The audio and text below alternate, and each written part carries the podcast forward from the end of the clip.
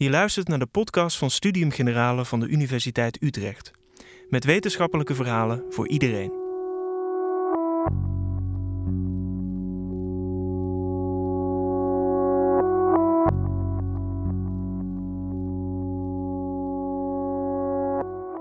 It's been four decades since the publication of Orientalism, Edward Said's highly influential and controversial study of colonialism. In his book, he reveals the history of how politicians, scientists, writers, and artists in the West produced a particular way of thinking about Eastern societies. They presented them as primitive, inferior to the West, and in desperate need of control. Islamic studies scholar Joas Wagemakers talks about the book's lasting influence. Does the Orientalist mindset still exist?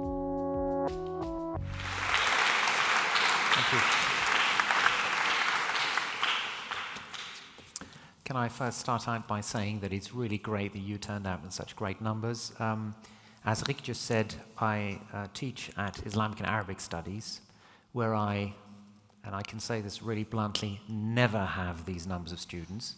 It's, say, between 5 and 10, uh, sometimes between 20 and 30. So um, if only you could be my students, that would be great. Anyway, I do appreciate that.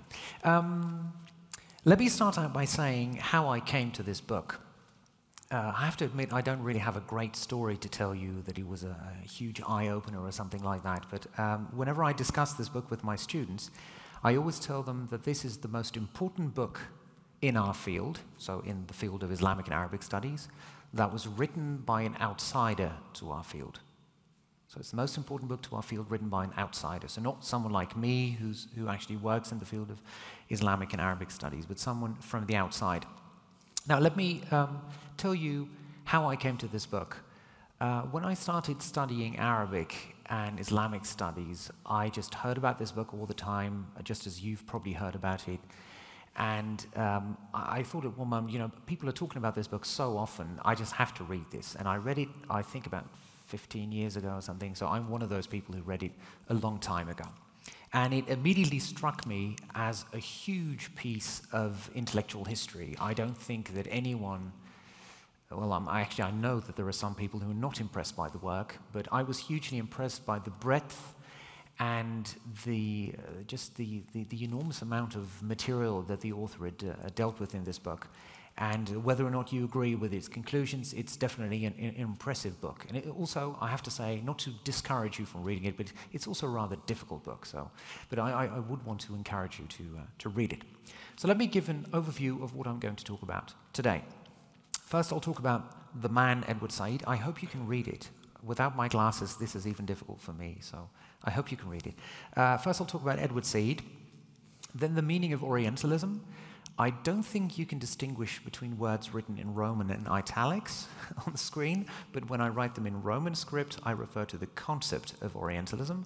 When it's written in italics, I re- refer to the book, also called Orientalism. I'll try to make that clearer as I go along.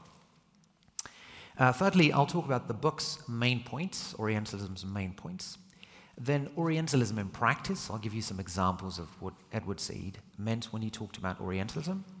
Then the response to it, mostly the scholarly response by, by people in my field particularly, the impact of the book, and finally, the relevance that it still has now. Uh, I think it's, it's quite astonishing that a book that was written 40 years ago is still being talked about and discussed and, and given a lecture about by me in this case. Uh, 40 years later, I can only hope and dream that my books will have uh, the impact that his has. But um, I don't think so. And I will I'm pessimistic by nature, but I think I can be pretty realistic about that. Um, and some conclusions. Now, first of all, Edward Said, who is, uh, can be seen on the photograph here, he was um, born in Jerusalem. And that, in and of itself, is quite a story. Because if you, um, th- there is an interview on YouTube with Edward Said, and he talks about his passport. And he was born, as you can see on the screen in 1935. And for those of you who know a bit about the history of Palestine, in 1935 it was still Mandate Palestine, so controlled by the British. It was not a, an independent country, as Palestine still is not an independent country. That's one of the reasons there's a conflict. But um, Jerusalem is now part of what we today call Israel, or Israel these claims uh, Jerusalem. It's contested, of course, internationally. So when Edward Said lived in America and he had to uh, issue, uh, get, get, a passport, he wrote, wanted to write in the passport, uh, place of birth, Jerusalem, Palestine. But the American authorities, where he lived at the time, the American authorities said, no, you can't do that because there is no country called Palestine. And he said, well, that's where I was born. And they said, yeah, well, Israel, uh, Jerusalem is in Israel now. And he said, but Israel didn't exist at the time when I was born. And they said, yeah, but we can't use Palestine because it doesn't exist. And he said, yeah, but that was my country of birth. And eventually, after a lot of back and forth, they settled on Jerusalem. Just like that. And that is one of the indications, this is what he himself says, of how um, difficult it's been for him to um, live and work as a Palestinian who is, who is absolutely rootless, who cannot go to the, the country of his birth, who doesn't really belong anywhere, or at least he, he, he feels that way, and uh, who cannot even put the country of his birth in his passport. So that is, in a sense, uh, exemplary of, of the way he feels about these issues. Secondly, as I already mentioned, he is Palestinian. Now, this is very um, important, was very important to him because he died in 2003. Uh, he was a member of the Palestinian, or the Palestine National Council, which was more or less the parliament of the PLO, as it were. And he's written several books on the Palestinian question, such as a very famous book called The Question of Palestine. Uh, another book is called After the Last Sky. Uh, After the Last Sky is actually a line taken from a poem by Mahmoud Darwish, who's a, a famous um, Palestinian poet who died several years ago as well. Now, apart from the fact that he was born in a country that doesn't exist anymore, apart from the fact that he is a member of a people that does not have its own country, Edward Said is actually more of an exception because he is from a Protestant family. Now, that, that means that he's not just a Christian in an area that is mostly populated by Muslims, but within Christianity in the Middle East, he's also part of a small minority.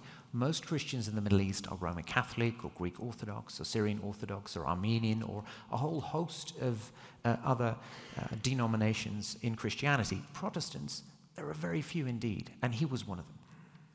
He was raised in Cairo. He was partly raised in Jerusalem, partly raised in Cairo. He was also educated partly. Uh, he lived in a very uh, privileged family, materially privileged, of course, because he, he had to flee from, uh, from the war at the time. So I don't think it's appropriate to call that privilege, but materially he was quite privileged. He got a very good education. His parents were educated people, and as such, he was as well. He was educated in the United States at uh, Ivy League universities. And in 1978, he published the book Orientalism. Now, it might strike you as surprising, but he had great trouble getting it published. Um, I once read that he uh, had to contact over 20 publishers. So, for those academics out, out there who try to get a book published and find it difficult to find a publisher, you know, there was one man before you also found it difficult to get it published, and he's still being talked about 40 years after, so take heart from that. And finally, he was a professor of comparative literature at Columbia University in uh, New York. And this is where he still taught when he died of leukemia in 2003. Now, there is much to discuss about Edward Said and his involvement with the question of Palestine. I'm not going to do that. I was specifically asked to talk about this book. There is lots of other stuff that you can talk about with regard to his comparative literature. Uh, I am uh, less qualified to do that, but that will be interesting as well. But we're not going to do that. We're going to talk about the book.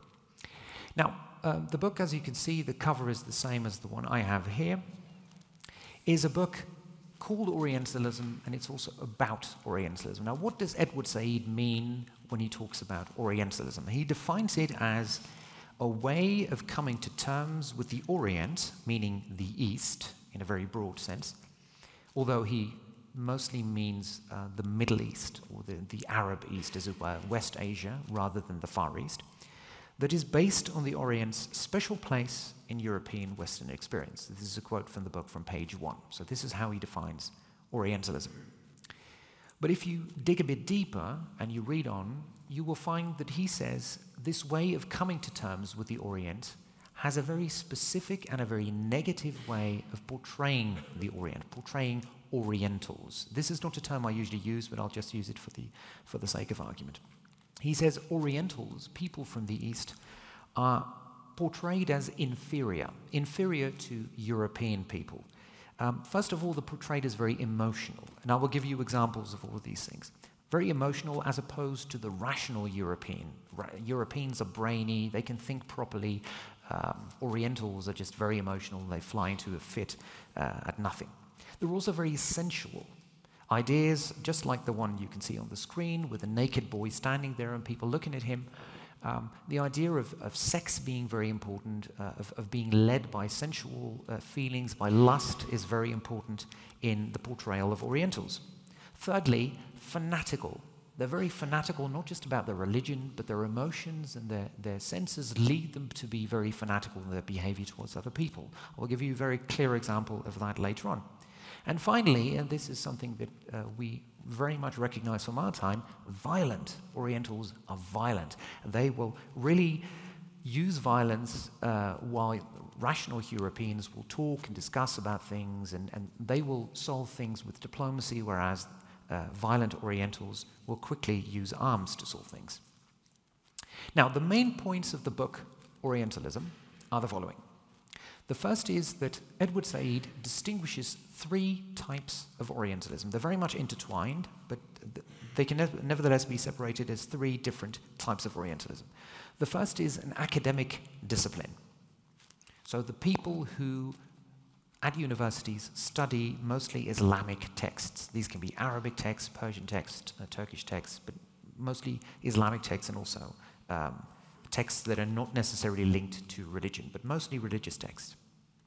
The second is a worldview juxtaposing East versus West. Uh, this is something that is far more cultural, that can be found in art, can be found in literature, can be found in music. Uh, and Edward Said says, uh, very much based on uh, Gramsci's ideas on, on, how things impact uh, culture, he says, if you have a sustained and structural tradition of portraying the East as completely different from the West and as inferior in all those ways that I just told you about, it cannot but have an impact on your culture. It must have an impact on your culture. I mean, the way people view Orientals must be influenced by the way they are being portrayed all the time. So you can say, well, it's just a painting, it's just a film, it's just a bit of music, etc., etc. But when there is a sustained effort to portray Orientals as such, this cannot but have an impact on the way people look at these um, people. And the third type of Orientalism, and that is uh, the third dimension he adds to this, is that Orientalism is an instrument of political and specifically colonial power. And that word power is very important to, to realize and to remember. Edward Said believes, based very much on the ideas of uh, the French philosopher Michel Foucault, that such ideas are not just ideas, not just influential on a cultural level, but they're also very much used by political powers to impose their own discourse and to impose their own power. And in the Middle East, which is the area he's talking about, that was very specifically done in the colonial era when uh, specifically Great Britain and France colonized areas of the Middle East and uh, imposed their rule on the native population. Now, a second point is, I've already mentioned it, um, that Orientalism of all types represent the Orient. And it, th- this is a very important notion in Edward Said's work. He says, according to Orientalists, Orientals are so inferior that they cannot represent themselves. They have to be represented by rational, um, uh, stable, non sensual people who can actually do that for them. They are the scholars, they are the people who know, they are the civilized people, so they have to represent the Orientals for them. And one of the reasons he says this is so bad is because indigenous voices are really uh, shut out. Another is that they present these Orientals as the absolute other. And this is a term you will find very often in, in literature, other uh, spelled with a capital O, as if to say, um, you are this way and I am that way, and never the twain shall meet.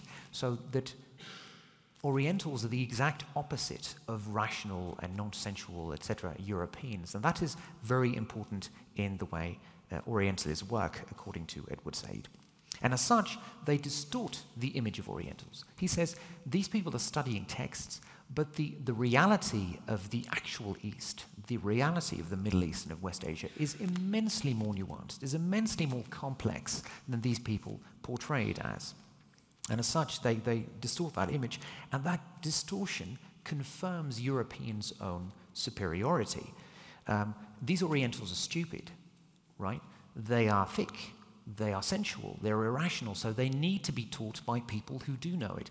It's almost as if you treat people like children. You know, a teacher teaches a child, we all accept that, but we don't accept usually that some people are like the child and some people are like the teacher. But this is the sort of discourse that he uh, ascribes to Orientalists. And this, finally, and this is where we get to the power bit, this facilitates domination. If these people are indeed sensual, and if they are irrational, and if they are stupid, and if they can't represent themselves, we have to do it for them. So that sort of facilitates the idea of colonialism, and it justifies colonialism in a way that is, that is both academic, cultural, and political. Now, all of these dimensions are intertwined, and rather than um, explaining that myself, I thought, how about letting Edward Said himself explain that? Because there's lots of his stuff on YouTube, so I, I would encourage you to, to watch that. I hope this works, um, and I hope you can hear it. If not, then I'm sure you'll, you'll let me know. If somebody, let's say in the 1850s or 60s in Paris or London, wished to talk about or read about India or Egypt, or Syria. There would be very little chance for that person to simply um, address the subject, uh, as we like to think, in a kind of free and creative way. A great deal of writing had gone before. And this writing was an organized form of writing, like an organized science, you know, what, what I've called Orientalism. And it seemed to me that uh, there was a kind of repertory of images that kept coming up. You know, the sensual woman who's there to be sort of used by the man. The East is a kind of mysterious place full of secrets and monsters. You know, the marvels of the East was a phrase that was used. And the more I looked, the more I saw that this was really quite consistent with itself. You know, it had very little to do with people who had actually been there. And even if they had been there, there wasn't much modification. In other words, you didn't get what you could call realistic representations of the Orient, either in literature or in painting or in music or uh, any of the arts. And this extended even further into descriptions of the Arabs by experts, you know, people who had uh, studied them. And I, I, noticed that even in the 20th century, some of the same images that you found in the 19th uh, century amongst scholars like Edward William Lane, who wrote his book on the modern Egyptians in, 18, in the early 1830s. And then you read somebody in, in the 1920s, and they're more or less saying the same thing. W- one great example that I always give is that uh, the wonderful French poet Gérard de Nerval, who went on a voyage to the Orient, as he called it. And I was reading this book of his travels in Syria, and there was something very familiar about it. You know, it sounded like something else that I'd read. And then I realized that what he was doing almost unconsciously was quoting Lane on the Egyptians, on the theory that the Orientals are all the same, no matter where, where you find them. I mean, it's in India or in Syria or in Egypt, it's basically the same essence. So there develops a kind of image of the timeless Orient, as if the Orient, unlike the West, doesn't develop, it stays the same. And that's one of the problems with Orientalism, is it, it, is it creates uh, an image outside of history, of something that is placid and still and you know, eternal, which is simply contradicted by the facts of history. You see, so that, in, that, in that one sense, it's a, it's a creation of, of, you might say, an ideal other for, for Europe. Right. So this is very interesting where he says, you know, Syrians, Egyptians, Indians, all of that is the same and they're represented as being the same uh, because of the ignorance of the people painting, talking, speaking, etc. about them. Now, does it work? Yes, I think it should. Oh, now it works, for crying out loud. Come on. anyway, let me give you some examples of Orientalism in practice. Now, this is an example of an academic example, so the first dimension of Orientalism as distinguished by Edward Said. This is um, actually um, the first, I think, the first translation of the Quran from uh, 1649, and uh, the quote is from the translator's preface, and it says, Thou shalt find the Quran of so rude and incongruous a composure, so fast with contradictions, blasphemies, obscene speeches, and ridic- ridiculous fables, that some modest and more rational Mohammedans have thus excused it. So this was, this was actually a translation not from the original Arabic, but from the French. So in, in a sense, he didn't really do his job properly because he should have used the original language. But um, the Quran in itself, which is very much tied to the person of the Prophet Muhammad and, of course, Islam, um, is described as rude, incongruous as a composure, uh, fast with contradictions, blasphemies. Well, that is to be expected from a writer who was probably a Christian, but also obscene speeches, ridiculous fables, and some that some modest and more rational Mohammedans have thus excused, presuming that Muslims are generally not rational and that they believe in this drivel. Um, that was actually quite common. You might say, well, you know, that was four centuries ago, and you know, it's just one man. No, it wasn't one man. Um, if I could just toot my own horn here and talk about uh, Islamic and Arabic studies. We teach a course on the Prophet Muhammad, and we also deal with how the Prophet Muhammad is portrayed in history by very often Christian writers. And they very, very often describe the Prophet Muhammad as violent, as uh, over sexualized, as sensual, as fanatical, as irrational, etc. So these sorts of stereotypes were actually quite common in those days. I can't give you all the examples, of course, but it was quite common. Secondly, the second dimension of Orientalism, so the, the cultural one. This is actually the, uh, the painting that is on the front cover of the book. I hope you can see it from the distance. It is uh, a painting by uh, Jean Léon Gérôme, who was a, a, 19th, early 20th century painter. This was painted in more or less 1879, uh, and it's called The Snake Charmer. And on the painting, you can see uh, a boy standing there naked with uh, a big snake wrapped around his body. There is a snake charmer sitting to him on the right, to, to his right, who's uh, playing his flute or whatever it is.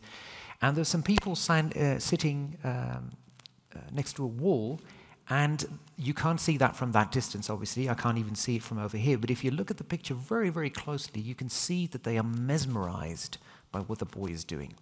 So you see various stereotypes in this picture. On the one hand, it's a naked boy, so the sensual and sexual dimension is there. Uh, there's the mythical dimension. The snake charmer is doing something, he's doing a trick, and the people sitting at the side are mesmerized. They're apparently so easily affected and so easily impressed that they are mesmerized by a boy standing there with a snake. This is one painting, but I, I believe me, I really did not have room in my uh, briefcase to bring it with me, otherwise I would have. But there is a very interesting PhD thesis um, written specifically about Orientalist art. You saw some images just in, in the clip right now uh, by Edward Said. But this was really, you know, in the 19th century, this was commonplace to portray the Orient this way sensual, irrational, mesmerized by, by uh, conjurers' tricks. And thirdly, um, one other example that I can give is from literature. This is a, a very long quote. I translated it from Dutch. Um, I, th- this is actually from a book I inherited from my great grandfather, and it's called Banneling van het Duivelseiland. Um, uh, which actually has nothing to do with the Middle East at all, but there is, uh, um, or, or, Islam, but there is one chapter in it which is called Abdallah the Lion and he is a warlord living in the desert. And I think it's interesting to look at how he was described in this book. I'll give you three quotes, and it's from uh, that book. As soon as the Arab warlord was alone with Ravaillac, Ravaillac is one of the bad guys in the book, just trust me, he was really bad. Uh, he grabbed his scimitar. His hand held onto the handle, which was richly set with precious stones. You're as good as dead, Frenchman, he threatened the villain, who, shaking, pulled his head between his shoulders as much as possible. Your head will roll in front of your feet if you've lied to me, but I will richly reward you if you've been of great service to me. Abdallah cried in anger. The vein on his forehead swelled with wrath, and his eyes flashed with fury. This night I will prove to you that they do not call me Abdallah the lion for nothing. Yes, I will pounce on you like a wild animal. I will rip your evil heart out. Apologies for the language, but you know, this is what they write. I will rip your evil heart out. That's a nice apology, I just repeated it. Anyway, of your body and throw it to the hyenas of the desert. So here we have basically all the stereotypes in one uh, quote, or in three quotes rather. Um, he grabs his scimitar, a very stereotypical image of an, of an Arab warlord grabbing. You, you know what a scimitar looks like, this, this bent uh, sword. It was richly set with precious stones. You're as good as dead. So one of the first things he says to the Frenchman is uh, to threaten him, and not just threaten him, but he actually threatens to chop off his head. But at the same time, this is what I find the most interesting thing about this quotation he threatens to kill him, but almost in the same sentence, he says, But I will richly reward you if it turns out you've been of great service to me. So this man is really not emotionally stable. Right? He threatens to chop off this man's head, but on the other hand, in, in a split second, he will richly reward this man. So he will go from one extreme to the other, which is sort of like um, an Orientalist version of bipolar disease. Um, and he says, Abdallah cried in anger, and the vein on his forehead swelled with wrath, and his eyes flashed with fury. This man is not uh, cut out for diplomacy, apparently. He's really, you know, aggressive in the way he speaks. And he pounces on, pounces on you like a wild animal and rip your evil heart out and throw to the hyenas of the desert. So he's not just violent, but he's fanatical in his violence. So you can see all those different stereotypes coming back in this book. Um, I try to look for the date of the publication of this book, couldn't find it. It's a very old book, given that it was uh, owned by my great grandfather. But it was probably published in the late 19th century, uh, a time in which such stereotypes were clearly not uncommon. I don't know if any of you have ever heard of Rudolph Valentino. The people who are a bit older probably have. Uh, he starred in a series of films, I think there were two, perhaps more, called The Sheikh, so the, the Sheikh, and uh, this was very, very typical of those very early silent films where he was portrayed as, as a warlord and conquering uh, women and being magnanimous. And all these different stereotypes are very much in, in, in sync with what he did in his films. And finally, and this is one from uh, politics. So this is the, the third dimension. The, the previous two examples were of the second dimension. This is of the third dimension. Is a quotation by Lord Cromer, who you can see here on the photograph. Oh, yes, there it is. It? Yeah. Okay. Lord Cromer was a British colonial ruler. This is actually quoted in the book Orientalism on page 38. He says, The European is a close reasoner. The mind of the Oriental, on the other hand, like its picturesque streets, is eminently wanting in symmetry. His reasoning is of the most slipshod description. They, meaning Orientals, are often incapable of drawing the most obvious conclusions from any simple premises of which they may admit the truth. So, again, this was quite common among policymakers in those days. Right? Uh, someone like Arthur James Balfour, who was known for the Balfour Declaration, which, one, which was one of the documents that founded the State of Israel, uh, said similar things in those days. Right? So this was quite common um, to, to justify colonialism as saying, well, these people really need our help because that's, that's how thick they are, that's how stupid they are, that's how much they are in need of our help. So we must colonize them. Otherwise, they will just uh, amount to nothing. So, this is the sort of thing that you see all the time, and this is what Edward Said talks about when he refers to Orientalism these three different spheres. Now, the book was published in 1978, and it created quite a bit of response. Um, much of the response was positive uh, by mostly academics. They said this is a clear recognition of a phenomenon. And you can imagine, you know, if it's so prevalent in films, in literature, in art, in politics, in colonialism, etc., you can imagine that people are glad when finally someone writes a book about that. They also say that it is good because it's a systematic treatment of something that we see all around us. So these stereotypes, th- this book is not just a list of stereotypes, but it's a systematic treatment of where it comes from and what is the, the structure behind it. And that leads us to the third point. There is a structural analysis of this phenomenon, and it links academia with culture and political power. So it ties it all together, and it's a sustained uh, j'accuse, as it were, against Orientalism. But there are also people who are quite critical, who said, well, um, it's a defamation, as Rick just said, a defamation of the term Orientalist. If I had lived, say, 40 years earlier, I would probably refer to myself as an Orientalist. I don't do that anymore. And the number of departments, for example, in uh, Western European universities that are called Department of Oriental Studies. There's a School of Oriental and African Studies in London, and I think Leuven has a, a, a Department of Oriental Studies, but not, not that many anymore because the term Oriental and Orientalism has become very tainted because of this book. And they say that's a shame because many, many Orientalists actually did a good job. And they say this book yes, it has a good point. Yes, it makes many good points, but it fails to recognize some of the good Orientalists. Um, in my version, there is actually a, a, part of a review from Albert Hourani, who himself was of Arab descent. He said, well, there are actually quite a few good Orientalists who you fail to recognize, whose efforts you fail to recognize. And Edward Said, in the new afterword, which is also included in this book, because this one was published in 1994, acknowledges more or less implicitly that he did that, but he says, even though that criticism may be justified, that still leaves my main argument intact, namely that there was a sustained effort to portray Orientals as fundamentally different and inferior. So some people say, well, there are factual errors in the book. And he makes a good point, but he exaggerates it. So that's what some of the critics say. And as you can imagine, there were also some people who were really negative, so that goes beyond mere criticism. Um, one of the people who's best known for expressing great criticism of this book is the late Bernard Lewis, who died, uh, I think, last year or a few years uh, ago at the uh, respectable age of 101, I think. And um, he says this book is anti Western. It accuses Western scholars, Western politicians, Western artists, Western writers of portraying the Orient in a way that it is not, and as such, it is anti Western. And they also say, just as Edward Said accuses Orientalists of misrepresenting Orientals, so does Edward Said, in his book Orientalism, misrepresent Orientalists. Would you like me to say that sentence again? I think you get the point, right? He, he misrepresents Orientalists, so he goes too far. I practice doing this very quickly in front of the mirror, so that's why I've got it down to T.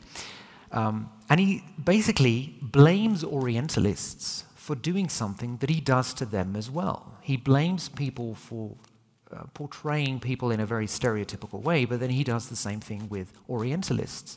And there is one person who's been very um, adamant about this point, uh, Robert Irwin, a British uh, scholar of Islamic studies, who's written a book directly aimed at countering this book, Orientalism. And he says, you know, the people you refer to in this book as these big bad Orientalists are actually three dimensional people. Their lives were far more nuanced. They actually supported Arab causes. They actually supported the Muslims against the colonialists, for example. So there are bits and pieces in which Edward Said is wrong, they say. Um, I think that there is no consensus on this book. Uh, if there was, I probably wouldn't be talking about it today. But um, I, th- I would say, and I'm guessing here, but it's an educated guess, I would say that most people in my field today take a generally positive view of the book, saying, look, whatever you say of it, whatever the factual, uh, factually incorrect points in the book were, he just has a very good case. And uh, one reviewer of a book by Robert Irwin says, you know, Edward Said built this house, and Robert Irwin takes out a few bricks here and there, but the house that Edward Said built, called Orientalism, is still standing. And I think that's a good summary of, of the, the response to Orientalism and, and how it has survived. So, Orientalism's impact has been huge, as you can imagine. Uh, it's not for nothing that this was one of the books that was selected to talk about. I didn't even select it, but uh, the people at Studium Generale did. One of the things hap- that happened was that uh, Oriental, study was, Oriental studies was rethought. People started rethinking Oriental studies. They started renaming the discipline, as I just said, and they also started incorporating Edward Said's insights. I don't think there are many students who study Islam or Arabic at a Western university today who will not have heard of this book, for example. So that is definitely a big change. It's also been incorporated into literary studies. Um, more precisely, post colonial readings of literature. So that means that they take the uh, post colonial situation, the heritage of colonialism, and the impact of colonialism into account, and also that they have a greater focus on non Western voices. So, whereas the, the canon of literature used to be uh, all Western writers, it's far more common nowadays to include non Western ones. And you could say that a whole field was based on this book. I don't think that is too much of an exaggeration to say, or that this book at least started a whole new field called post colonial studies, which focuses very much on non European perspectives, takes the heritage and the impact of colonialism into account, and views um, countries such as, for example, Egypt, through the lens of what the impact of colonialism was. And it recognizes very much the colonialist legacy and, and sees the history of Egypt and Syria and all the other countries as something that cannot be detached from its colonial past. And another area that I am really not qualified to talk about, but that I do think I should mention, is activism.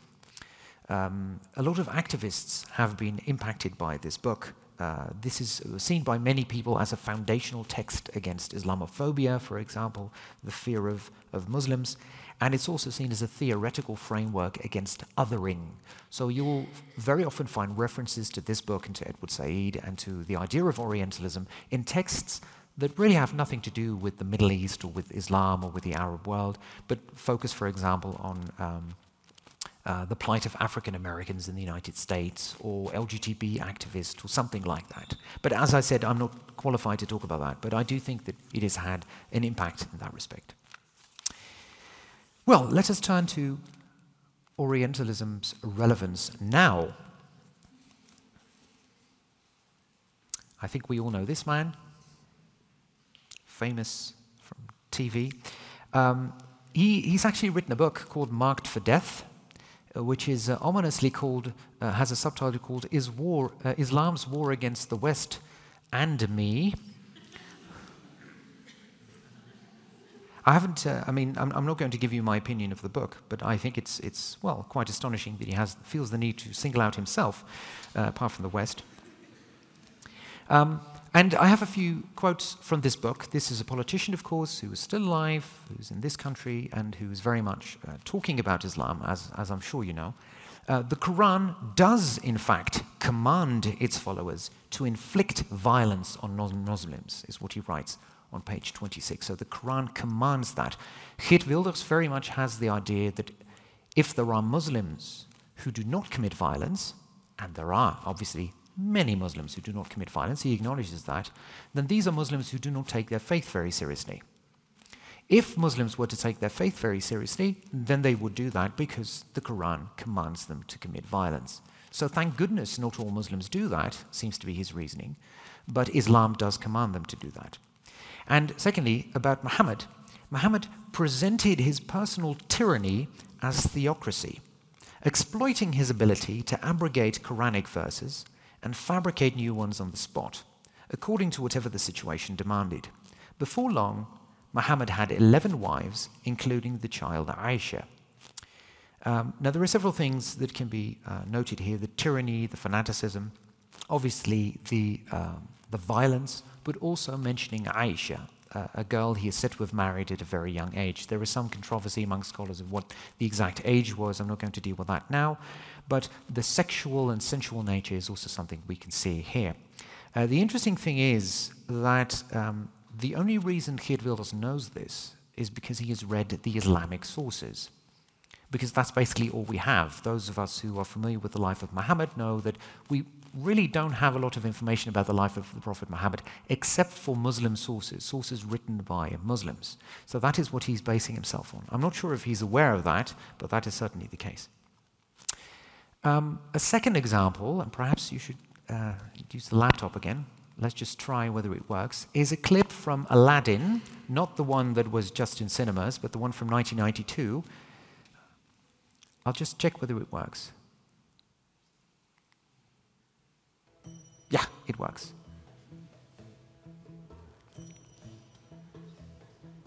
This was a Disney film, obviously. Um, based on the stories of the Thousand and One Nights.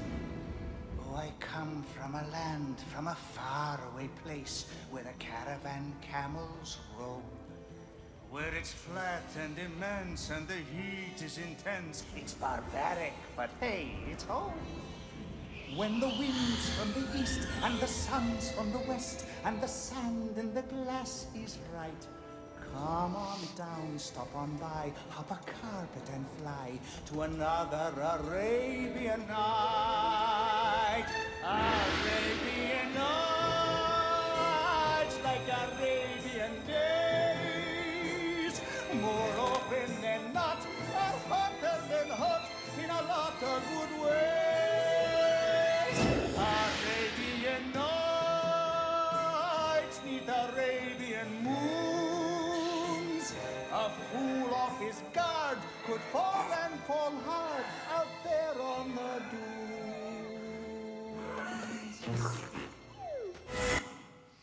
Right. Now, this is a, clip from a, a film that was uh, almost 30 years old. So you can say, well, you know, that's 30 years ago. And it's a nice film, you know, it's Disney, and, and, and it is. I, I actually have to admit, I saw it in the cinema at the time. Guilty as charged. But, um, so don't feel bad if you saw it, okay? Um, but it's interesting that many stereotypes about Arabs and Muslims can be seen in this film. Obviously, there's sand, there's desert, there's camels. And you could argue, well, there is a lot of sand in the Middle East, and there are a lot of camels, and that is true, actually. And anyone who's ever looked at an Arab, classical Arabic dictionary will see that many terms actually have an equi- equivalent with something to do with um, um, uh, camels. For example, um, the word irhab means terrorism.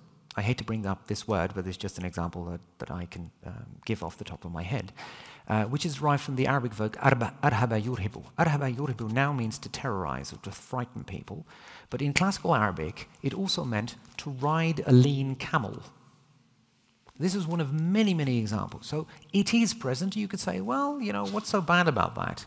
Well, in and of itself, it's perhaps not so bad, but the problem becomes that when this is structural, and this is the only image you see of Arabs and Muslims.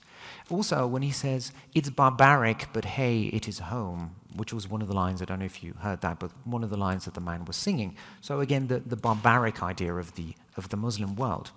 And if this were exceptional, that would not be so bad. I mean, there are stereotypes about Dutch people as well, you know, wearing wooden clogs and eating cheese and windmills, etc., about British people wearing bowler hats and, you know, with, walking with umbrellas, etc. And that's, all of that's not so bad because we know that reality is more nuanced. When we're talking about the Middle East, many people see this as the only thing, right? And because of the sustained effort of portraying the Middle East and Arabs and Muslims as such, it becomes a different kettle of fish. Now let's see if my third example is uh, also going to work. This is from the film called True Lies from 1994, which uh, has Arnold Schwarzenegger in it. I'm proud to say I haven't seen this one. I want state police driving through the streets, okay, on their damn loudspeakers. Hey, here they come.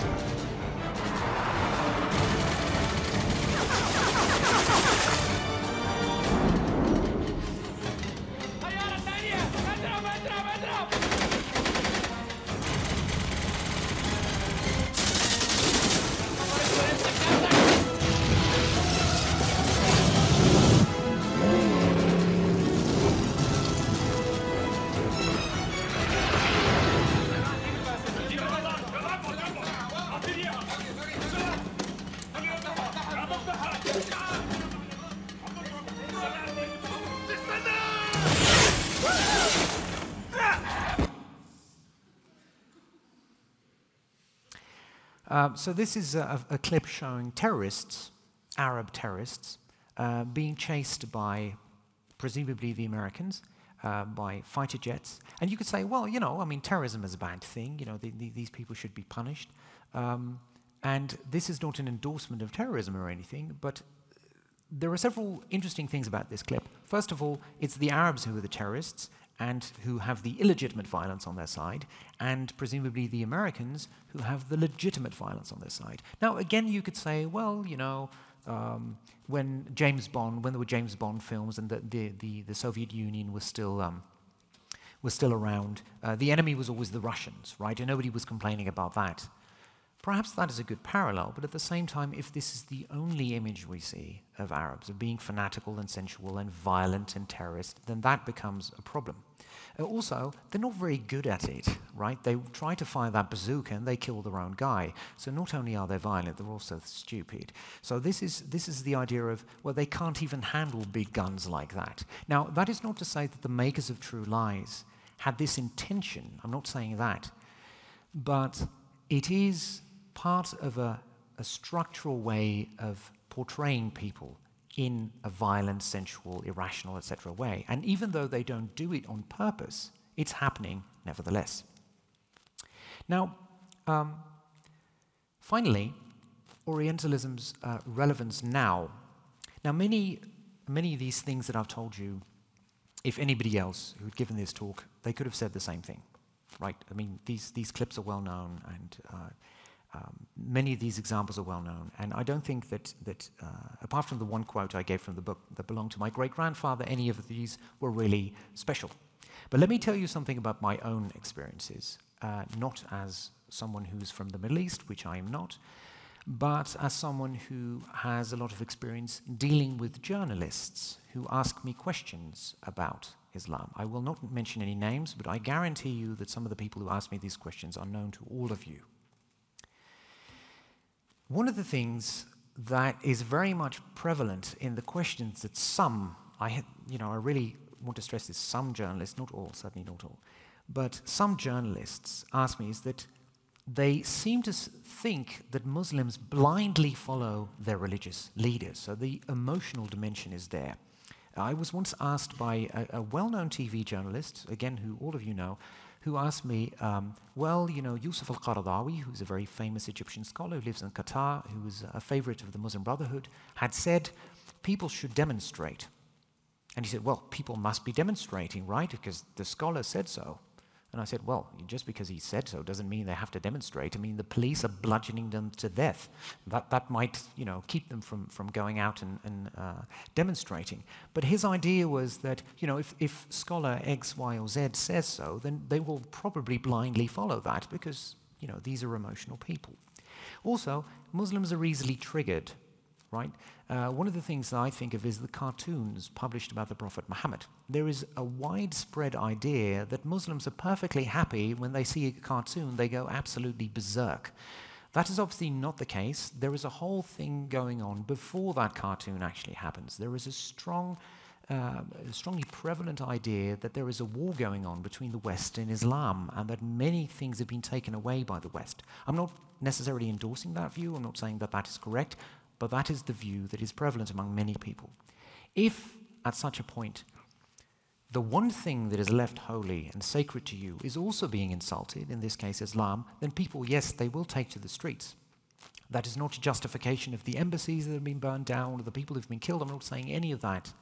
But to suggest that Muslims will simply go out into the streets and burn things down because some Danish cartoonists uh, uh have, have uh, drawn some cartoons about the Prophet Muhammad is, is really quite ridiculous. They don't do that for that reason alone. Secondly, fanatical, which is also something that I just talked about. Um, quite a few Muslims have been presumed as radical. Um, I'm uh, quite uh, aware of the fact that I'm getting older by the fact that uh, this year is the first generation of students who have not experienced 9 11 personally because it's uh, now 18 years ago. But I remember very well when 9 11 happened, there were quite a few Muslims who were asked, So, right, so you heard about this terrorist attack, right? So, do you condone that as a Muslim? That's quite an insulting question, isn't it? So you work with someone, you study with someone, there's a person you know, he or she's friendly to you, and suddenly 3,000 people are massacred in the United States. And you feel, so how do you feel about that? How do you feel about 3,000 people being massacred? Do you condone that or do you condemn that? I would find that insulting if someone asked me that question, right? And I can imagine that quite a few Muslims did so as well. Although I've not heard that response. The only response that I heard was, no, no, no, of course not. No, in Islam is peace and all that. So Muslims were generally quite willing to explain that that, in their view, had nothing to do with Islam. But nevertheless, there is a presumption of radicalism. And radicalization is also very often reduced to Islam. Um, I once, there was once one journalist who um, called me and he said, Where in the Quran can I find why they do this? So radicalization is reduced to the Quran. The idea seems to me that someone like Osama bin Laden was perfectly happy just, you know, going about his business, perfectly happily, happily married. He had children. He was, a, he was a happy man. He was, he was definitely was rich. And um, he was just generally content with his life. And he picked up the Quran and he opened it and he read one line and he thought, those bloody Americans, I'm going to kill me some. It doesn't work like that, right? Radicalization simply does not work like that. Any scholar on radicalization, and we have a few at this university, will tell you that radicalization is a difficult and a, a complex and uh, individually decided process that does not, um, you know, it's not based on reading the Quran. It's not based on reading one line of the Quran. The Quran can play a role in that, of course, and ideology generally can play a role, but it's not the be all and end all of radicalization. And finally, uh, Muslims are very often portrayed as violence. Um, you may have heard of the Mocro Mafia, which is a, a, a sort of organized, organized, crime syndicate that is um, um, led by people of Moroccan descent, and that's why it's called the Mocro Mafia. I was once called by a journalist who said, You know, um, someone's head has been chopped off by the Mocro Mafia. Uh, you may have heard this, this was a few years ago, someone's head had been chopped off and put in front of a restaurant, I think. And they said, So why are they doing that? What part of Islam are they basing this on? And I said, Look, these people are the mafia. They're not known for their piety, you know just like you know the Sopranos. I mean, they're swearing and cursing all the time. I mean, these are not people who are known to be pious Catholics, and the Mocro Mafia presumably are not very pious Muslims. So the whole idea that they base this on Islam is quite ridiculous. But this is something that I actually this question came from a journalist who actually knows quite a bit about religion, right? So if such remarks can be made and such questions can be asked by people who, well, you know, know more about religion than the average Dutch person, that's quite astonishing. And finally, uh, the whole idea that piety leads to violence. This idea is very prevalent with regard to Muslims. Uh, a friend of mine used to work at uh, the municipality of, of a major city in the Netherlands, and he said that some of his colleagues at one point started to worry about the radicalization of some Muslims. And that was their job. And the reason they started worrying about these people radicalizing was because they started using a siwak to clean, clean their teeth which is also what the Prophet Muhammad did. Are we worried about people attacking us with a siwak, with a short stick with which you clean your teeth? No. It's a sign of piety, definitely. But is it a sign of radicalization? It might be a sign of greater piety that may lead to greater radicalization, that may at some point in the future lead to violence. But there are so many ifs and buts and mays and mights in there that you cannot possibly say, well, this person is cleaning his teeth with a stick. Better watch out for him. That's ridiculous, right? But these are policymakers taking these decisions. And that's quite uh, astonishing that such people are seen as security threats. And that's why I think uh, some of these remarks made by journalists are actually quite worrying from the point of view of Orientalism. Now, to conclude, first of all, um, Orientalism showed us that is an, it's an academic discipline, it's a worldview, a cultural worldview, and an instrument of power. This is, this is how they were described by uh, Edward Said, and they all represent the Orient as the other, the inferior other. Orientalism in practice was present and intertwined in academia, in art and literature, in music, in politics, and all these things. And as Edward Said himself said, they were very much intertwined. The response to Orientalism, the academic response, has been very diverse, mostly positive, sometimes critical, and sometimes negative. I have to say, by the way, that Bernard Lewis was very negative about this book. I could read you a few lines what Edward Said writes about Bernard Lewis. Well, he did not uh, yeah, he did not hold back, let me put it that way. Uh, the impact of Orientalism has been huge. That word is really uh, appropriate here. It's been a source of influence on Oriental studies, but also literary studies. It's really been the founding text of post colonial studies, and it's also been a great source of influence on activism. And finally, the relevance of the book Orientalism Now. Uh, much has changed, really, a lot has changed. Um, but some forms of uh, Orientalism are remarkably persistent, and we still see them today. Thank you for your attention.